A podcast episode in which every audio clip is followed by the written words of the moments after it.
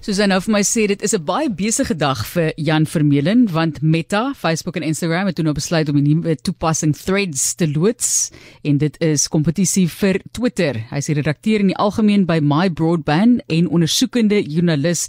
En Jan is maar interessant hoe mense gaan en vinnig vinnig 'n vergelyking gaan tref tussen die hoeveelheid gebruikers wat Twitter Instagram, Facebook ensovoorts gekry het in hulle eerste byvoorbeeld jaar of hoe dit ook al sê, maar die kan ek sê die eras waar binne daardie toepassings geloods word is totaal verskillend. Jy kan mos nou nie vergelyk hoe lank dit vir Twitter gevat het om tot by 'n sekere hoeveelheid miljoen gebruikers te kom en vandag Threads nie, want daar's soveel meer mense wat dan nou sekerlik ook sosiale media gebruik. Inderdaad, uh, dis dis dit um, maar uh, dit gaan eintlik meer oor um, hoe dit uh, hoe die platform gelons word. So byvoorbeeld Threads uh, is gekoppel aan Instagram. Ja. En Instagram het soos 2 miljard gebruikers.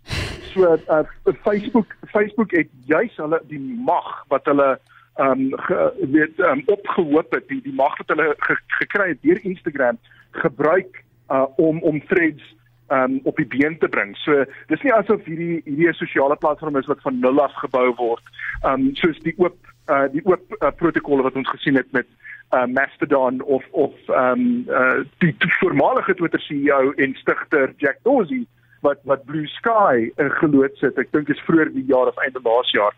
Ehm um, wat hulle begin van nul af. Uh Threads begin nie van nul af nie. En hy begin van 2 miljard af en dan moet jy daai 2 miljard jy weet jy moet daarvan nou 2 miljard oortuig om van Instagram af ook jy weet ook 'n rekening oop oop te maak op Threads en Instagram is nou vir prentjies en Threads is nou vir jy weet jou jou Twitter kortformaat teks. Ja.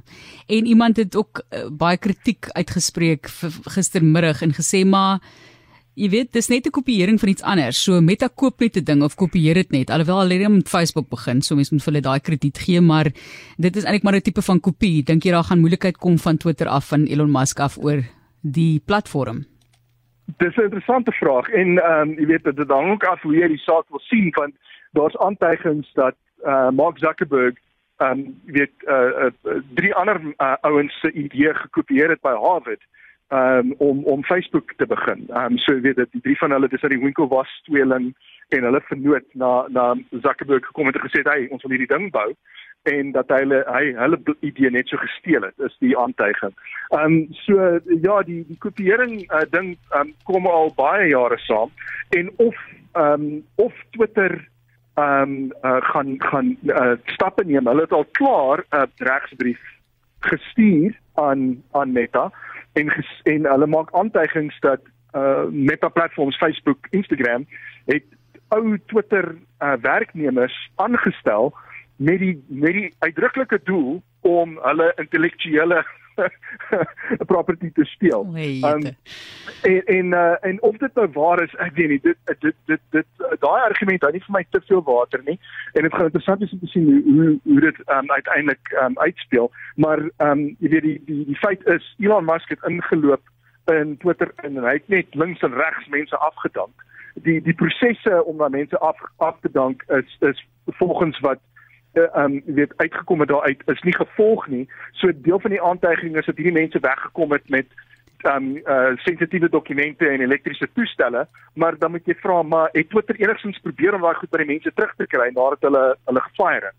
Dis die een vraag en die tweede vraag is ehm um, uh, dat dat Instagram al klaar gesê het niemand wat aan Twitter gewerk het werk aan threads nie. Maar um, dis 'n baie dis dis 'n interessante tegniese uh punt hierso want net omdat mense nie aan threads werk nie beteken nie dat hulle elders in meta platforms sit en dalk nie vir mense inligting voer nie. So dis nie heeltemal die ons het dit nie gedoen nie.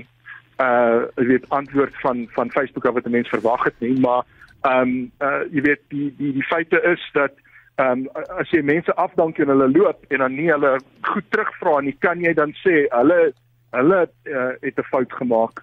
Ehm um, uh, of is dit is die fout eintlik joune? Ja, kan nie kan nie wag om alle al die verwikkelinge dop te hou nie, maar dis nie hoekom jy hier is, Jan. Ehm um, ek maak nou fout eintlik ek wil nog baie vrae vra soos moet ek aansluit, maar ek het nou klaar. So kom ons kyk hoe dit verloop. Jan Vermeulen praat met ons vandag oor wat is beter? Wat is die beste gratis opsie om data in die wolk te stoor. Daar word altyd van gesê Martelies, jy het nie meer spasie nie, koop nog spasie. So ek is blous pratend om daaroor net vir mense wat nie verstaan nie. Wat is 'n data wolk? Ja, so uh, dit is basies 'n aanlyn diens wat jou toelaat om jou data op die internet te stoor en dan kan jy dit enige plek waar jy internetverbinding het weer kry.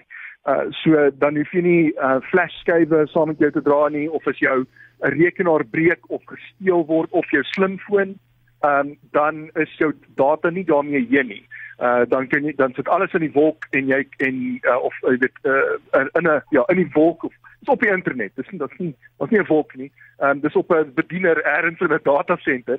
Ehm um, en um, maar wat lekker is daarvan is ehm um, dis weet professionele mense en organisasies wie se werk dit is om uh, seker te maak dat dat die rekenaars aanlyn bly dat die as die harde skywe breek dat hulle vervang word en niks data verloor word nie en dan uh, dan dan is jy beskerm teen um, crashes die harde skyf crashes en teen uh, as jy uh, toestelle gesteel word en en so aan. Ja onthou om te save en dan onthou om dit Ja, te backup. Ek gebruik nou die Engels want dit is hoe dit hoe dit bekend staan. Maar Jan, kom ons praat oor die verskillende opsies. In hierdie geval gratis opsies. Daar is van hulle wat ek het, maar jy het natuurlik 'n beperking in terme van hoe baie jy kan gebruik, maar ek dink dit is voldoende vir baie mense wat individue is. Besighede moet kyk na iets anders, maar draf ons deur en dan jou jou gunsteling een. Ja, sekerlik. So daar's daar's 'n hele paar. So ek dink die die grootte is Google. Um want saam met jou Gmail rekening kry jy reeds Google Drive. Um en dan Microsoft met OneDrive en jy weet as jy byvoorbeeld nou nie 'n Gmail rekening het nie, jy het 'n outlook.com rekening, dan um kan jy uh weet 'n OneDrive rekening oopmaak en jy kan 'n gratis stoorplek deur Microsoft se OneDrive kry. Um uh, dis dis twee van die van die grootes en dis um dis hulle gee jou redelike hoeveelheid uh, stoorplek gratis. Dis dis eintlik um heel netjies. Ehm um, dan is daar ehm um, iCloud natuurlik Apple se as jy in die in die Apple ekosisteem is, dan is iCloud 'n goeie opsie. Al kry jy redelik min gratis data. Ek dink hulle gee net 5 GB gratis en dan moet jy maar ek betaal byvoorbeeld R15 'n maand en dan kry ek 50 GB van van Apple af. Plus ek kry toegang tot iCloud Plus. Ehm um, wat wat kom met met 'n 'n paar ander lekker ehm um, goed vir vir jou vir die Apple ekosisteem. Dan staan natuurlik ehm um, Dropbox, maar eh, ek was ek was 'n groot voorstander gewees van Dropbox jare gelede, maar hulle het in in uh, onlangs jy weet hulle het onlangs het hulle begin met baie shady goed doen. Um om te probeer om mense te kry om te opgradeer. Vandag byvoorbeeld toe ek gaan toe ek gaan kyk hoeveel kos dit. Toe, toe dan as jy gaan as ek nou gaan klik op my rekening, dan is daar nie eens 'n prys nie. So hulle hulle hulle wys vir jou jy jy gebruik soveel uit soveel data wil jy opgradeer en dan tog glad nie 'n prys op onder die onder die opsie nie. Dis is sulke klein shady goedjies wat Dropbox besig is om te doen en dan hy nag my die hele tyd.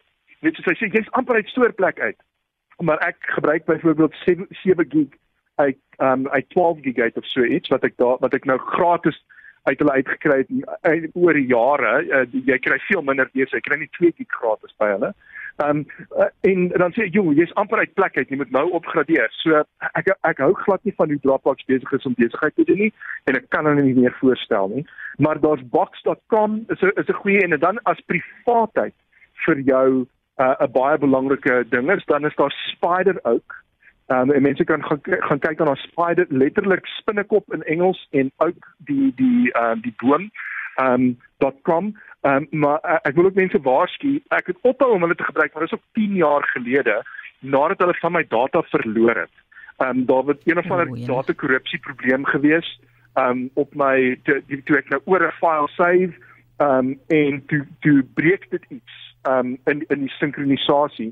Ek is seker hulle het dit um, uh jy weet uh, nou reggemaak, maar dit weet jy ding is, hulle sit jou op daai oomblik af en ek is nooit weer terug na hulle toe nie maar dit is soos ek sê 10 jaar het nou al verstryk en Spider ook is die enigste opsie wat ek kon kry uit hierdie hele lot waar um privaatheid die nommer 1 ding is. Die die enigste ander manier om regtig um 'n uh, privaat jy privaat stoorplek te kry wat jy weet privaat is is om dit self te doen. En dit is nie dis nie noodwendig moeilik nie maar dit maar dit dit, dit kos geld en dit kos jou eie tyd. Ehm um, dan kan jy byvoorbeeld 'n uh, wat hulle noem 'n network attached storage koop, 'n NAS. En Synology maak fantastiese toerusting. Dit kos 'n paar duisend rand. Maar as jy nou gaan uitwerk hoeveel hierdie cloud dienste jou gaan uitwerk, ehm um, jy weet oor 'n paar jaar kom dit by 'n paar duisend rand uit as jy weet ehm um, 15, 50, 100 rand per maand wat ek al gaan betaal. Ehm um, dan dan kom dit baie vinnig daar uit.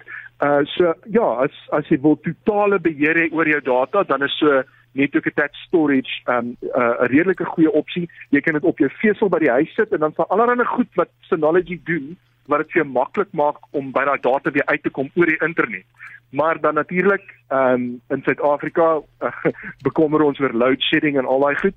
So die wonderlike ding van hierdie wolk um stoor stoordienste is dat dit altyd dit's altyd uh, beskikbaar. Ehm um, jy jy hoef nie te bekommer dat weet as is jou vesel by die huis af, is jy krag by die huis af of so iets nie.